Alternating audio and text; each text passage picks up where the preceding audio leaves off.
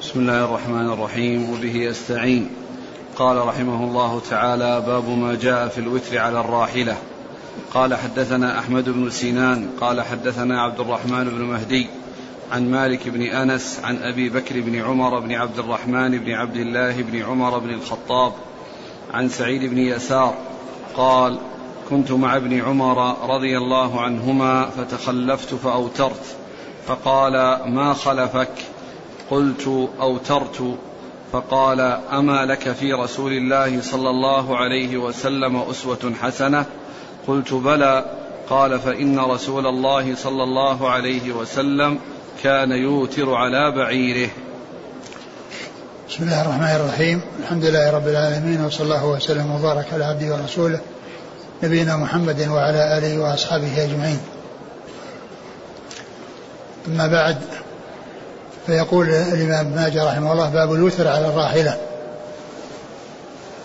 آه الوتر كما عرفنا هو من آكد الروا... آكد التطوع هو وركعة الفجر والنبي صلى الله عليه وسلم ما كان يتركهما لا في حضر ولا في سفر. وكان المعروف عن الذي جاء الرسول صلى الله عليه وسلم أنه كان يتنفل على الراحلة. يعني غير الفرائض يأتي بها على الراحلة. وأما الفرائض فإنه ينزل ويصلى بها على الأرض. يتصلى على الأرض. وأما الوتر وسائر الرواتب فإنه يؤتى بها والإنسان راكب. جاءت بذلك السنة عن رسول الله صلى الله عليه وسلم. ومن هذا الحديث عن عبد الله بن عمر أنه كان معه رجل فتخلف فقال ما الذي خلف؟ قال إنني أوترت. قال أما لك في رسول الله صلى الله عليه وسلم أسوة حسنة؟ قلت بلى. قال فإن النبي صلى الله عليه وسلم كان يوتر على الراحلة. ومعلوم أن الوتر على الراحلة ليس بلازم ولكن كون الإنسان يتركه ويقول أنه يعني ليس هذا من السنة أو أنه لا ينبغي هذا غير صحيح. وأما كون الإنسان يصلي في الأرض أو يصلي على الراحلة كل ذلك سائغ وكل ذلك جائز.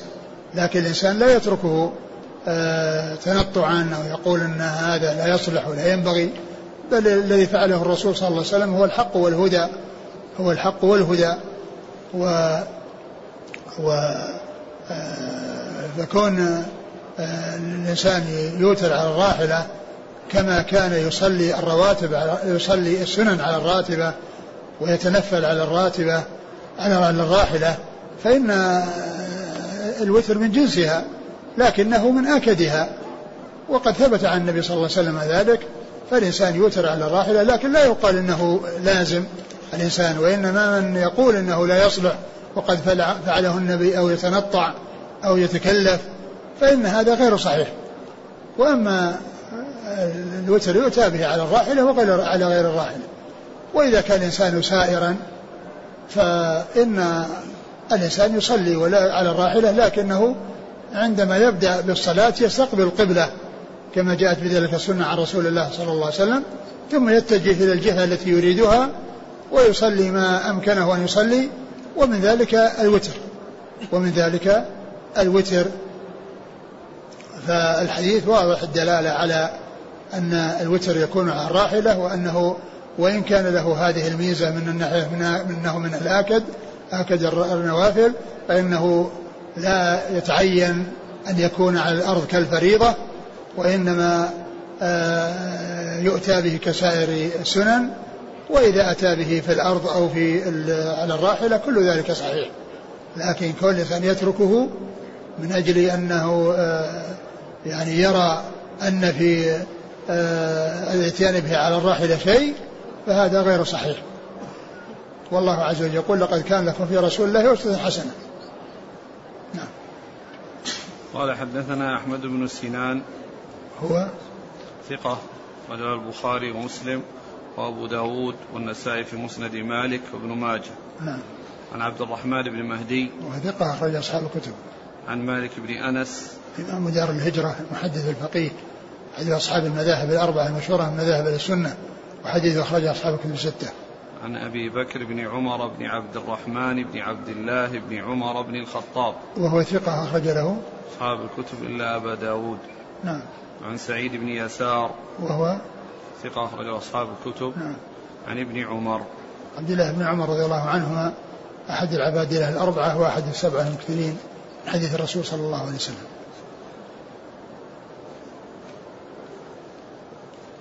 قال حدثنا محمد بن يزيد الأسفاطي قال حدثنا أبو داود قال حدثنا عباد بن منصور عن عكرمة عن ابن عباس رضي الله عنهما أن النبي صلى الله عليه وسلم كان يوتر على راحلته.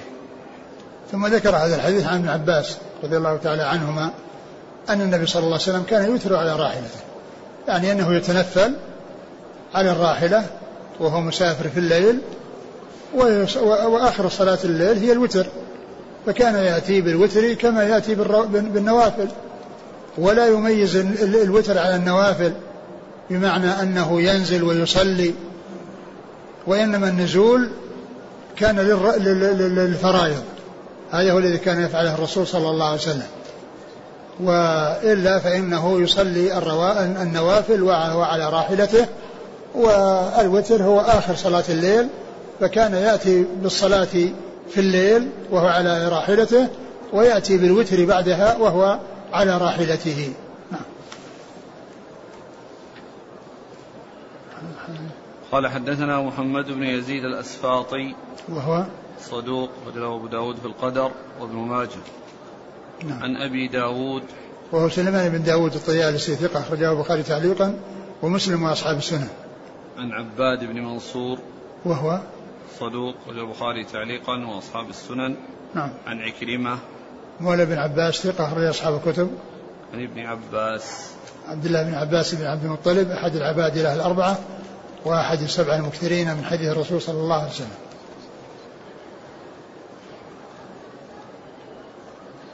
يقول هل يجوز أن يفعل ذلك المقيم؟ المقيم لا يفعل ذلك. يعني هو في البلد لا يتنفل على الراحلة ولا ولا يصلي الوتر على الراحلة وإنما هذا في السفر لو كبر تكبيرة الإحرام إلى غير القبلة فهل يصح؟ الذي يبدو أنه يصح لكنه مخالف للسنة هل يقاس السيارة والطائرة على الراحلة؟ نعم هي مثلها إلا أن السيارة إذا كانت الصلاة ستشغله إذا كان سائق عن السيارة ويترتب على ذلك ضرر فلا يفعل. وأما من كان راكبا ليس عنده آه، شيء يتعلق بالسيارة وقيادتها فإن له أن يفعل ذلك. قال رحمه الله تعالى باب ما جاء في الوتر أول الليل. قال حدثنا أبو داود سليمان بن توبة قال حدثنا يحيى بن أبي بكير قال حدثنا زائدة عن عبد الله بن محمد بن عقيل عن جابر بن عبد الله رضي الله عنهما أنه قال قال رسول الله صلى الله عليه وسلم لأبي بكر رضي الله عنه أي حين توتر؟ قال أول الليل بعد العتمة. قال فأنت يا عمر؟ فقال آخر الليل. فقال النبي صلى الله عليه وسلم أما أنت يا أبا بكر فأخذت بالوثقى وأما أنت يا عمر فأخذت بالقوة. ثم ذكر باب الوتر في أول الليل. وقد سبق أن مر في الأحاديث أن النبي صلى الله عليه وسلم من كل ليل أوتر من أوله من, من, من, كل من, من كل ليل أوله وسطه وآخره وانتهى وتره إلى السحر وكذلك جاء يجعل آه، آه، وكذلك آه، جاء يعني غير هذا مما يدل على أن الوتر يكون آخر الليل وأنه أفضل صلاة الليل مثنى مثنى فإذا خشى أحدكم الصبح أتى بركعة وتر له ما مضى. و وقد مر الحديث الذي فيه أن من وثق بقيامه إلى أنه ينبغي له أن يؤخر الوتر إلى آخر الليل ومن كان يخشى أن لا يقوم فإنه يوتر قبل أن ينام. وجاء في حديث أبي هريرة رضي الله عنه اوصاني خليلي صلى الله عليه وسلم بثلاث ركعتي الضحى وصيام ثلاثة كل ثلاثة أيام كل شهر وأن أوتر قبل أن أنام. وجاء وهذا متفق عليه. وجاء في حديث أبي الدرداء أوصاني حبيبي صلى الله عليه وسلم بثلاث ركعتي الضحى وصيام ثلاثة أيام كل شهر وأن أوتر قبل أن أرقد. فإذا جاءت الأحاديث في الوتر في أول الليل وفي آخر الليل وفي وسط الليل. آه ثم أورد هذا الحديث أن النبي صلى الله عليه وسلم سأل أبا بكر يعني متى يوتر؟ فقال في أول الليل. قال وسأل عمر فقال إنه يوتر آخر الليل. فقال لأبي بكر أخذت بالعروة الوثقى. يعني أنك أخذت بالشيء الذي فيه التحقق من أنك أديت العمل في وقته الذي هو الليل. لأن من من أدى ما عليه قبل أن ينام فإنه مطمئن وواثق بأنه أدى ما عليه. لأنه لو حصل أنه تأخر يعني في الاستيقاظ فإنه قد أدى الذي عليه فأخذ بالعروة الوثقى. يعني معناه أنه تمكن من أداء ما عليه. و وعمر رضي الله عنه قال أخذت بالقوة لما سأله قال إنه يوتر آخر قال أخذت بالقوة. يعني كل إنسان يعني آآ آآ يقوم ويعني يجتهد إلى أن يقوم في آخر الليل. ومعلوم أن أن أن الأمر في ذلك واسع ولكن التفصيل الذي جاء عن النبي صلى الله عليه وسلم هو الذي ينبغي أن يكون الإنسان عليه. كما مر بالحديث من وثق من قيامه آخر الليل فإنه يوتر آخر الليل ومن لم يثق فإنه يوتر أول الليل جاءت بذلك السنة عن رسول الله صلى الله عليه وسلم لكن آه إذا كان الإنسان قد يحصل منه أنه يتأخر عن الاستيقاظ في آخر الليل وأنه يؤدي الوتر فإن الاحتياط والأخذ بالأمر الذي لا إشكال فيه ولا خفاء وأن الإنسان أدى ما هو مطلوب منه أن يفعل ذلك قبل أن ينام نعم. قال حدثنا أبو داود سليمان بن توبة. هو صدوق أخرج له؟ ابن ماجه. نعم. عن يحيى بن أبي بكير. ثقة أخرج أصحاب الكتب. عن زائدة. ابن قدامة ثقة أخرج أصحاب الكتب. عن عبد الله بن محمد بن عقيل. وهو صدوق أخرج له. خالد المفرد وأبو داود والترمذي وابن ماجه. نعم. عن جابر بن عبد الله. جابر بن عبد الله الأنصاري رضي الله عنهما. هو أحد السبع المكثرين من حديث الرسول صلى الله عليه وسلم. قال حدثنا أبو داود سليمان بن توبة قال أخبرنا محمد بن عباد قال حدثنا يحيى بن سليم عن عبيد الله عن نافع عن ابن عمر رضي الله عنهما أن النبي صلى الله عليه وسلم قال لأبي بكر رضي الله عنه فذكر نحوه. ثم ذكر الحديث من طريق أخرى وهو مثل الذي قبله. قال حدثنا أبو داود سليمان بن توبة عن محمد بن عباد. محمد بن عباد هو؟ صدوق يهم أخرج له أصحاب الكتب إلا أبا داود. نعم. عن يحيى بن سليم. وهو صدوق؟ سيء الحفظ أخرج نعم. له أصحاب الكتب. نعم. عن عبيد الله. ابن عبد عبيد الله بن عمر العمري المصغر ثقة أخرج أصحاب الكتب. عن نافع عن نافع مولى بن عمر ثقة أخرج أصحاب الكتب.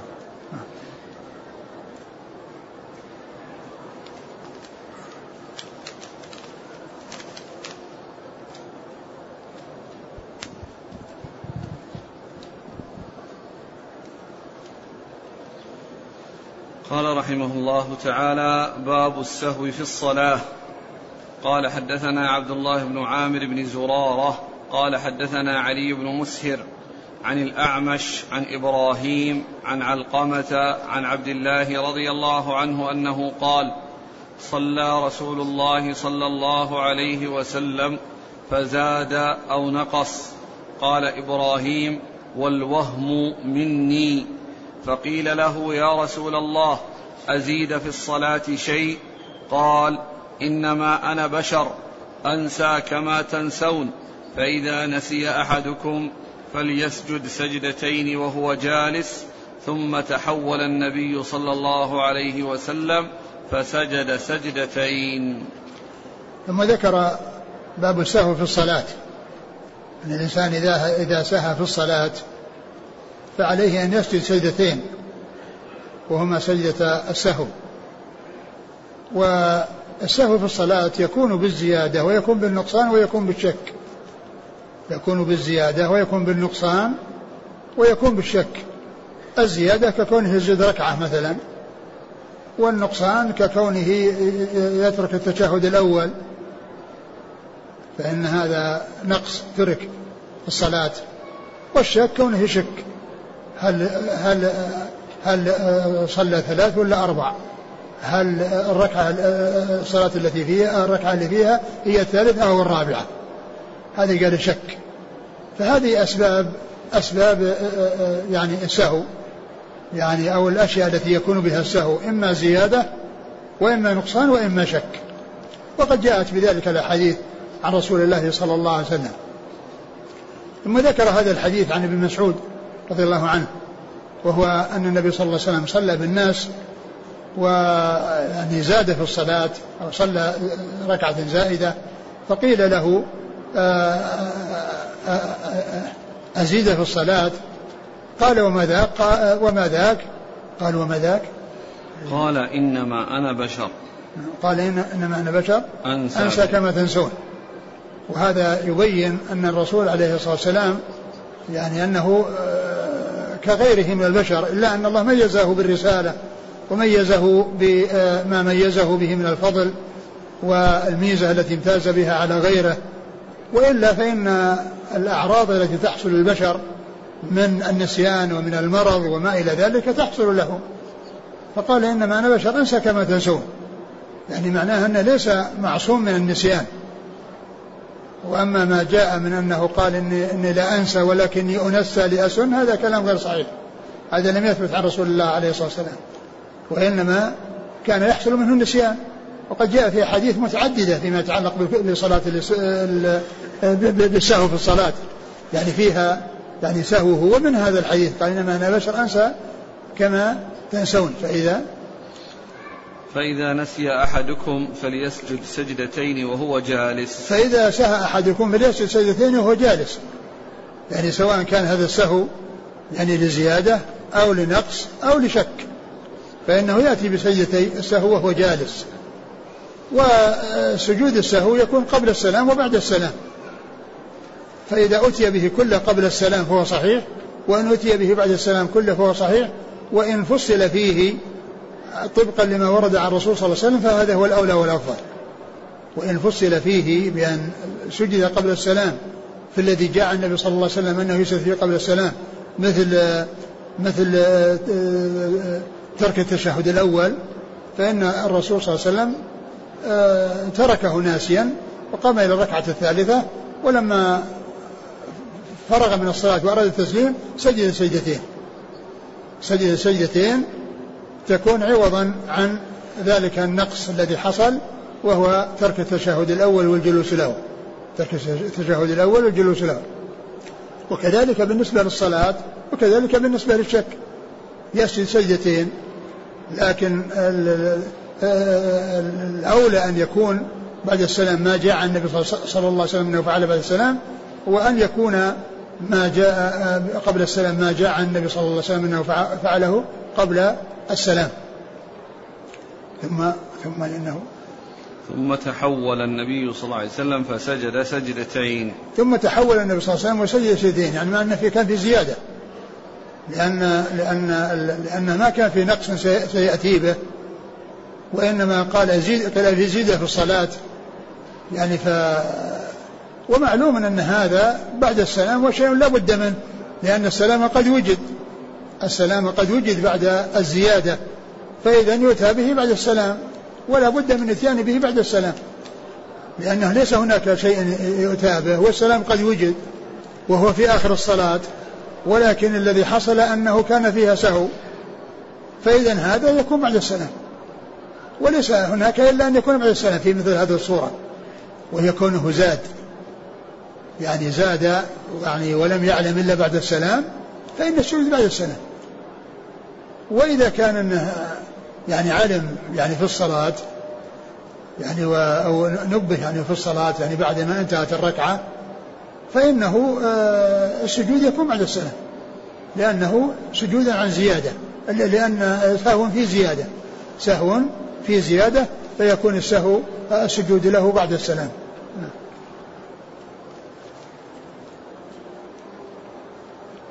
قال حدثنا عبد الله بن عامر بن زرارة. هو صدوق رجله مسلم وأبو داود بن ماجه. نعم. عن علي بن مسهر. وهو ثقة أخرج أصحاب الكتب. عن الأعمش. سليمان بن مهران ثقة أخرج أصحاب الكتب. عن إبراهيم.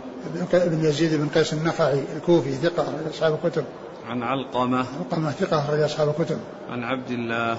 عبد الله بن مسعود رضي الله عنه الهذلي أخرجه أصحاب الكتب. هل نسيان النبي صلى الله عليه وسلم ينافي عصمته؟ لا. ما ينافي عصمته لأن النسيان في في الأفعال يعني آه، له لكن فيما يتعلق بالتبليغ لا يكون فيه نسيان أبدا. فيما يتعلق بالتبليغ وإبلاغ الرسالة ليس في ذلك نسيان. ولكن فيما يتعلق بالأفعال فإنه يجري عليه ما يجري على غيره كما أخبر بذلك رسول الله صلى الله عليه وسلم. ليس معصوما من النسيان. لكنه معصوم من نسيان التبليغ أو شيء يعني ما أمر بتبليغه فإنه معصوم. كل ما أمر بتبليغه فقد أداه على التمام والكمال. ولا ولا يمكن أنه يؤمر بشيء ثم يتركه ولا يبلغه عليه الصلاة والسلام. قول الصحابة أزيد في الصلاة. ألا يدفع وهم إبراهيم بأنه نقص نجزم بأنه زاد كما هو مبين؟ نعم هو هذا الذي يظهر لأنه لأنه حصل أنه بعد السلام يعني ولهذا قال أزيد في الصلاة.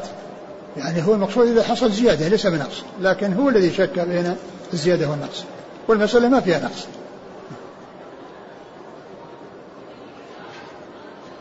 قال حدثنا عمرو بن رافع قال حدثنا إسماعيل بن علية عن هشام قال حدثني يحيى قال حدثني عياض أنه سأل أبا سعيد الخدري رضي الله عنه فقال أحدنا يصلي فلا يدري كم صلى.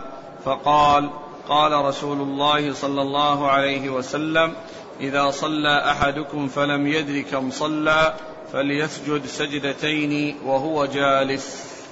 ثم ذكر هذا الحديث عن أبي سعيد وهو يتعلق بالشك لكن جاء ما يدل على أنه إذا إذا شك بالمقدار الذي صلى فإنه إذا اجتهد وتحرى وغلب على ظنه يعني أنه أنه يعني ظن على على غلب على ظنه شيء فإنه يأخذ به ويسجد بعد السلام. جاء في بعض الأحاديث أنه يسجد بعد السلام. وإذا كان ما غلب على ظنه وإنما هو الشك قائم فإنه يطرح الشك ويبني على اليقين الذي هو الأقل. يعني إذا كان أن الشك هل صلى ثلاث ولا أربع يعتبرها ثلاث. ثم يأتي بالرابعة. وأما إذا شك ثلاث ولا أربع وغلب على ظنه أنها الرابعة يعني يأتي آه، يعني معناه أنه ليس عنده آه، آه، يعني معناه أنه قد أدى صلاته يكملها ولكن يسجد بعد السلام. فإذا تحرى وتحقق وغلب على ظنه أنه يعني هذا الذي أن الركعة الركعة المشكوك فيها أنها غلبت على ظنه فإنه يسجد بعد السلام. وإن كان الشك قائم ولم يغلب على ظنه يعني هذا فإنه يطرح الشك ويبني على اليقين الذي هو الأقل. وهذا وهكذا مثل مثل في يعني في الأمور التي فيها عدد مثل الطواف ومثل مثل الطواف. يعني إذا شك فيه فإنه يبني على الأقل.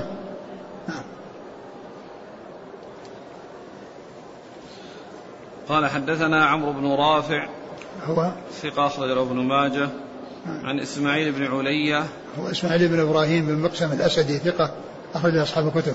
عن هشام هشام هو؟ دستوائي هشام ثقة أخرج أصحاب الكتب. عن يحيى يحيى بن أبي كثير ثقة أخرج أصحاب الكتب. عن عياض هو؟ مجهول وله أصحاب السنن. نعم. عن أبي سعيد الخدري. سعد بن مالك بن سنان أحد السبع المكثرين من حديث الرسول صلى الله عليه وسلم. إذا نسي أن يسجد قبل السلام ونسي أن يسجد بعد السلام فهل تكون الصلاة صحيحة مع وجود السهو فيها؟ إذا كان إذا كان من الوقت قريب فإنه يسجد. وأما إذا كان يعني بعد مدة طويلة فالعلماء اختلفوا منهم من قال إنه يعني يعني لا لا يحصل لا لا يأتي منه سهو ولا يعيد الصلاة. ومنهم من قال إنه يعيد الصلاة. في في قول أظهر؟ ما يظهر لي يقول هل نقرأ شيئا في الجلسة بين سجدتي السهو؟ يعني مثل يعني مثل سجد السهو ومثل سجد الصلاة. يعني سواء في سجوده أو بين السجدتين يعني ليس لسجود السهو شيء يخصه. يعني يأتي به رب رب اغفر لي وارحمني نفس الكلام الذي يأتي بالصلاة يعني سجود السهو مثل مثل الصلاة تماما. والذي بين السجدتين هو مثل الذي بين السجدتين في الصلاة. الدعاء الذي يكون بين السجدتين في الصلاة يأتي به في سجود السهو والدعاء الذي يأتي به في السجود في الصلاة يأتي به سجود السهو. قال رحمه الله تعالى باب من صلى الظهر خمسا وهو ساه قال حدثنا محمد بن بشار وأبو بكر بن خلاد قال حدثنا يحيى بن سعيد عن شعبة قال حدثني الحكم عن إبراهيم عن علقمة عن عبد الله رضي الله عنه أنه قال صلى النبي صلى الله عليه وعلى آله وسلم صلاة الظهر خمسا. فقيل له أزيد في الصلاة؟ قال وما ذاك؟ فقيل له فثنى رجله فسجد سجدتين. وهذا نفس الحديث الذي مضى الحديث الأول الذي فيه أنه قيل زيد أو نقص يعني في الذي شك إبراهيم. يعني هنا فيه ليس فيه شك وإنما قيل زيد في الصدقة وما ذاك؟ فيعني أخبروه بأن حصل زيادة فثنى رجله يعني اتجه إلى القبلة بدل ما كان متجها إليهم ف وسجد يعني للسهو نعم. قال حدثنا محمد بن بشار. هو الملقب بن دار ثقة أخرج أصحاب الكتب. وأبو بكر بن خلاد. هو ثقة أخرج له. مسلم وأبو داود والنسائي بن ماجه. نعم. عن يحيى بن سعيد.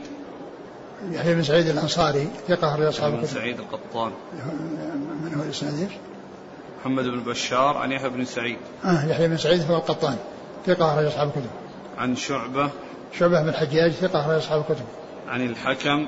حكم بن عتيبة ثقة أخرج أصحاب الكتب عن إبراهيم عن علقمة عن عبد الله. نعم. إذا زاد في الصلاة ثم سلم ثم سجد سجدتين هل يسلم مرة ثانية؟ نعم. لأنها لأن لأن بعد بعد ال بعد ال السجدتين فيه سلام لكن ما في تشهد. يعني الذي ليس فيه هو التشهد وأما السلام ففيه السلام قال رحمه الله تعالى باب ما جاء في من قام من اثنت من, اثنت من اثنتين ساهيا.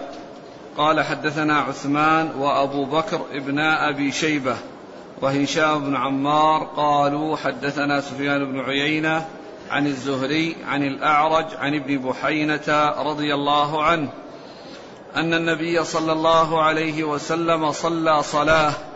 أظن أنها العصر. فلما كان في الثانية قام قبل أن يجلس. فلما كان قبل أن يسلم سجد سجدتين. ثم ذكر باب من قام من الثنتين.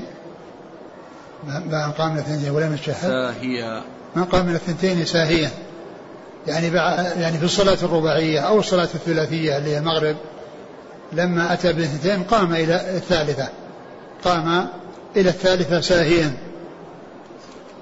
فإن عليه فإذا كان قد استتم قائما فإنه لا يرجع ولكن عليه سجود السهو قبل السلام. وإن كان قبل أن يستتم قائما فإنه يرجع ويسجد للسهو لأن حصل منه الشك. وسيأتي الحديث في هذا. و ويكون السجود قبل السلام لأن النبي صلى الله عليه وسلم سجد قبل أن يسلم. سجد قبل أن يسلم في آه، تركه للتشهد الأول. ثم إن إن المتروك شيئان في هذا هو التشهد والجلوس. التشهد الذي هو قولي والجلوس الذي هو فعلي. فهذا يدل على أن السهو إذا تكرر أو تكرر الشيء الذي سهي به أنه يكفيه سجدتان. ليس لكل سهو سجدتان.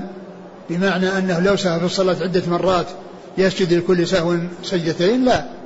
وإنما يكفي سجدتان للجميع. وهذا من هذا القبيل لأنه ترك شيئين. ترك التشهد اللي هو التحيات لله والصلاة والطيبات الذي هو قولي. وترك الفعل الذي هو الجلوس له.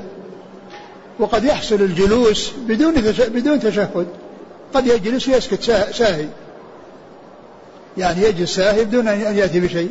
فيكون ترك آه، آه، التشهد.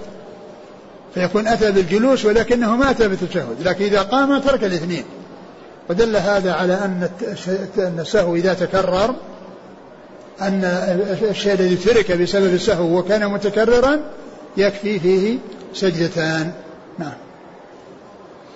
قال حدثنا عثمان وأبو بكر بن أبي شيبة. عثمان آه، آه، بن أبي شيبة هو ثقة اخرج أصحاب الكتب إلا الترمذي وإلا النسائي ففي عمل يوم الليلة. وأبو بكر بن أبي شيبة ثقة اخرج أصحاب الكتب إلا الترمذي. وهشام بن عمار. هشام بن عمار آه، صدوق أخرج له البخاري وأصحاب السنن. عن سفيان بن عيينة. ثقة أخرج أصحاب الكتب. عن الزهري. محمد بن مسلم بن عبد الله ثقة أخرج أصحاب الكتب. عن الأعرج. عبد الرحمن بن هرمز ثقة أخرج أصحاب الكتب. عن ابن بحينة عبد الله بن مالك بن بحينة رضي الله عنه آه، أخرج أصحاب الكتب. قال حدثنا أبو بكر بن أبي شيبة قال حدثنا ابن نمير وابن فضيل ويزيد بن هارون حا قال وحدثنا عثمان بن أبي شيبة قال حدثنا أبو خالد الأحمر ويزيد بن هارون وأبو معاوية كلهم عن يحيى بن سعيد عن عبد الرحمن الأعرج عن أن ابن بحينة رضي الله عنه أخبره أن النبي صلى الله عليه وسلم قام في ثنتين من الظهر نسي الجلوس حتى إذا فرغ من صلاته وأراد أن يسلم سجد سجدتي السهو وسلم. وهذا مثل الذي قبله. نعم. هناك قال أظن أنها العصر. هنا قال نعم هنا نعم فيه الجزم بأنها الظهر. صواب. نعم ما أدري. لكن هذه فيها جزم. أقول هذه فيها جزم. فيعني يعني المجزوم به لا شك أنها غير المظنون. لكن ما أدري هل جاء يعني شيء من طرق أخرى يعني أنها أقوى والأمر في ذلك كما هو معلوم. بالنسبة لنا الحكم يعني هو حصول هذا سواء كان في الظهر ولا في العصر. لكن الرواية الثانية فيها جزم والثانية فيها ظن. فلا أدري هل العصر جاء فيها شيء أقوى في غير هذا الطريق؟ لا أدري. قال حدثنا أبو بكر بن أبي شيبة عن ابن نمير. عبد الله بن نمير ثقة أخرج أصحاب الكتب. وابن فضيل. محمد بن فضيل صدوق أخرج أصحاب الكتب. ويزيد بن هارون. هو ثقة أخرج أصحاب الكتب. ها قال وحدثنا عثمان بن أبي شيبة عن أبي خالد الأحمر. أبو خالد الأحمر ثقة. صدوق صدوق أخرج أصحاب الكتب. ويزيد بن هارون وأب وأبو معاوية. محمد بن خازم ثقة أخرج أصحاب الكتب. عن يحيى بن سعيد. يحيى بن سعيد الأنصاري ثقة أخرج أصحاب الكتب. عن عبد الرحمن الأعرج عن, عن ابن بحينة. نعم. من ترك سجدتي السهو متعمدا فما حكمه؟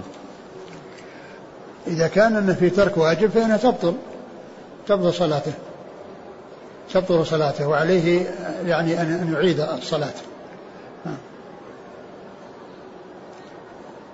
قال حدثنا محمد بن يحيى قال حدثنا محمد بن يوسف قال حدثنا سفيان عن جابر عن المغيرة بن شبل عن قيس بن أبي حازم عن المغيرة بن شعبة رضي الله عنه أنه قال قال رسول الله صلى الله عليه وسلم إذا قام أحدكم من الركعتين فلم يستتم قائما فليجلس. فإذا استتم قائما فلا يجلس ويسجد سجدتي السهو. ثم ذكر حديث المغيرة بن شعبة. رضي الله عنه وهو يتعلق بالقيام من الركعتين من الركعتين الأوليين إلى الثالثة. وفيه هذا التفصيل الذي عليه أن يرجع أو عليه أن يستمر. فإذا كان استتم قائما ترك الجلوس التشهد الأول واستتقم قائما فإنه يستمر ويسجد للسهو. وإن كان لم يستتم فإنه يرجع. فإنه يرجع ويسجد للسهو لأنه وجد من السهو. يعني حصول السهو قد وجد. لكنه آه، آه، سهو معه ترك واجب وسهو بدون ترك واجب لأنه رجع أتى به وإنما حصل منه مجرد السهو. وأما إذا كان قام فإنه ترك ذلك الواجب بسبب السهو. فالكل آه، هذا هو التفصيل الذي جاء النبي عليه الصلاة والسلام والسجود لهذا ولهذا قبل السلام. قال حدثنا محمد بن يحيى. آه، هو الذهلي ثقة البخاري وأصحاب السنة. عن محمد بن يوسف. هو الفريابي ثقة أخرج أصحاب الكتب. عن سفيان عن جابر. سفيان هو الثوري ثقة أخرج أصحاب الكتب. وجابر هو الجعفي وهو ضعيف وله أبو داود والترمذي وابن ماجه. نعم. عن المغيرة بن شبل. وهو ثقة أخرجه أصحاب السنن. نعم. عن قيس بن أبي حازم. قيس بن أبي حازم ثقة مخضرم أخرج أصحاب الكتب. عن المغيرة بن شعبة. المغيرة بن شعبة رضي الله عنه أخرج أصحاب الكتب. والحديث في إسناد جابر الجعفي ولكنه توبع. يعني توبع. فإذا الحديث ثابت عن رسول الله عليه الصلاة والسلام ولا يضره أن جاء في إسناده الجعفي.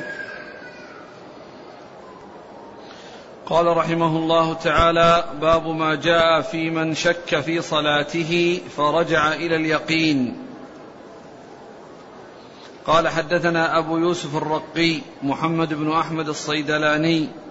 قال حدثنا محمد بن سلمة عن محمد بن إسحاق عن مكحول عن كريب عن ابن عباس رضي الله عنهما عن عبد الرحمن بن عوف رضي الله عنه أنه قال سمعت رسول الله صلى الله عليه وسلم يقول إذا شك أحدكم في الثنتين والواحدة فليجعلها واحدة.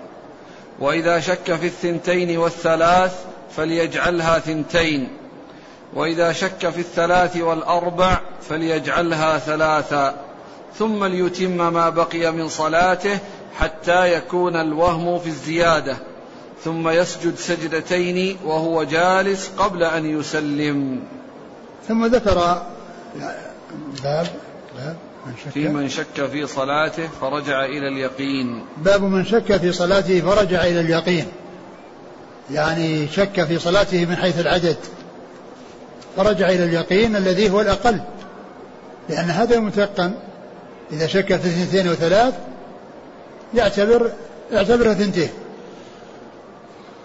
وإذا شك في آه، ثلاثة وأربعة يعتبرها ثلاث وهكذا. فالرجوع إلى اليقين يعني معناه تحقق أنه ما نقص عليه شيء. ثم إنه يسجد قبل أن يسلم. يسجد لذلك قبل السلام. فدل هذا على أن من حصل منه شك وبنى على اليقين فإنه يسجد قبل السلام. نعم. قال حدثنا أبو يوسف الرقي هو ثقة أخرجه النسائي بن ماجه. عن محمد بن سلمة. هو الحراني ثقة أخرجه البخاري في جزء القراءة ومسلم وأصحاب السنة. عن محمد بن إسحاق. وهو صدوق أخرجه البخاري تعليقا ومسلم وأصحاب السنة. عن مكحول.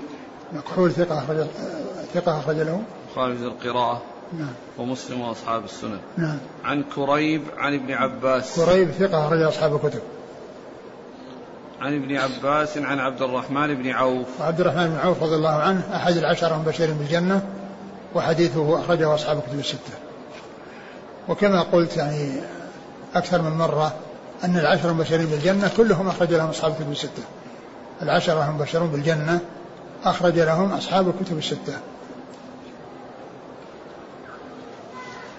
قال حدثنا أبو كريب قال حدثنا أبو خالد الأحمر عن ابن عجلان عن زيد بن أسلم عن عطاء بن يسار عن, عن أبي سعيد الخدري رضي الله عنه. أنه قال قال رسول الله صلى الله عليه وسلم إذا شك أحدكم في صلاته فليلقي الشك وليبني على اليقين فإذا استيقن التمام سجد سجدتين فإن كانت صلاته تامة كانت الركعة نافلة وإن كانت ناقصة كانت الركعة لتمام صلاته وكانت السجدتان رغم أنف الشيطان. ثم ذكر هذا الحديث عن أبي سعيد أن الإنسان إذا شك في صلاته فإنه يبني على اليقين واليقين هو الأقل. يبني على اليقين واليقين هو الأقل. فإن كان آه، فإذا فرغ من صلاته فإن كان ويسجد سجدتين قبل أن يسلم فإن كانت آه، صلاته آه، فإن كانت صلاته تامة ليش نعم فإن كانت صلاته تامة كانت الركعة نافلة. فإن كانت صلاته تامة فكانت كانت؟ الركعة نافلة. فإن كانت صلاته؟ تامة. كانت الركعة نافلة. آه فإن كان كانت الركعة التي زادت يعني سر نافلة يعني أن أنه يؤجر عليها. وإن كانت وإن كانت؟ ناقصة. كانت الركعة لتمام صلاته. وإن كانت ناقصة كانت الركعة لتمام صلاته. يعني إذا كان أنها هي خامسة فصارت رابعة كانت تمت بها الصلاة. تمت بها الصلاة. وكانت السجدتين. نعم وكانت السجدتان رغم أنف الشيطان. وكانت السجدتان رغم أنف الشيطان.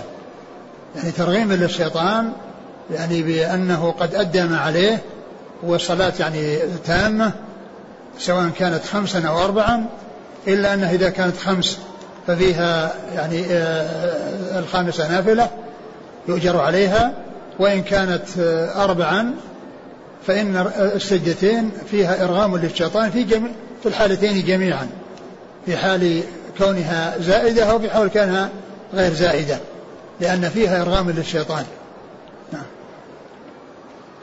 قال حدثنا أبو كريب محمد بن العلاء ثقة رجل أصحاب الكتب عن أبي خالد الأحمر عن. ابن عجلان. محمد بن عجلان صدوق رجل البخاري تعليقا ومسلم وأصحاب السنة. عن زيد بن أسلم. ثقة رجل أصحاب الكتب.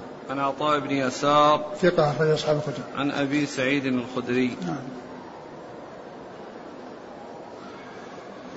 قال رحمه الله تعالى باب ما جاء في من شك في صلاته فتحرى الصواب.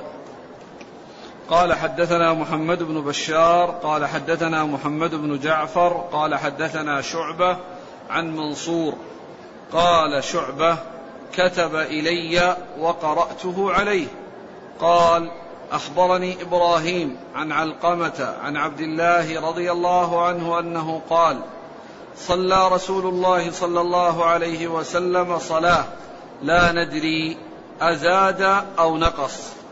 فسأل فحدثناه فثنى رجله واستقبل القبلة وسجد سجدتين ثم سلم ثم أقبل علينا بوجهه فقال لو حدث في الصلاة شيء لأنبأتكموه وإنما أنا بشر أنسى كما تنسون فإذا نسيت فذكروني وأيكم ما شك في الصلاة فليتحرى أقرب ذلك من الصواب فيتم عليه ويسلم ويسجد سجدتين. ثم ذكر بعد ذلك باب باب من شك في صلاته فتحرى الصواب. باب من شك في صلاته فتحرى الصواب. يعني تحرى الصواب هل هو الزيادة أو النقصان؟ فيبني على ما غلب على ظنه. ثم بعد ذلك يعني يسجد يسلم في آخر صلاته ويسجد بعد السلام. وهذا من المواضع التي يسجد فيها بعد السلام. وذلك فيما إذا يعني تحرى غلب على ظنه وشك وغلب على ظنه يعني الزيادة أو العدد الذي كان يعني شك فيه فإنه يسجد بعد السلام. وأما إذا كان بنى على اليقين الذي هو اعتبر أنه آه، شك قائم وما غلب على ظنه الزيادة حيث بنى على اليقين فإنه يسجد قبل السلام يسجد قبل السلام. وإذا كان غلب على ظنه يعني هذا الذي شك فيه وأن وأنها ثالثة ورابعة وغلب على ظنه أنها الرابعة فإنه يسلم ويسجد بعد السلام ثم يسلم بعد ذلك.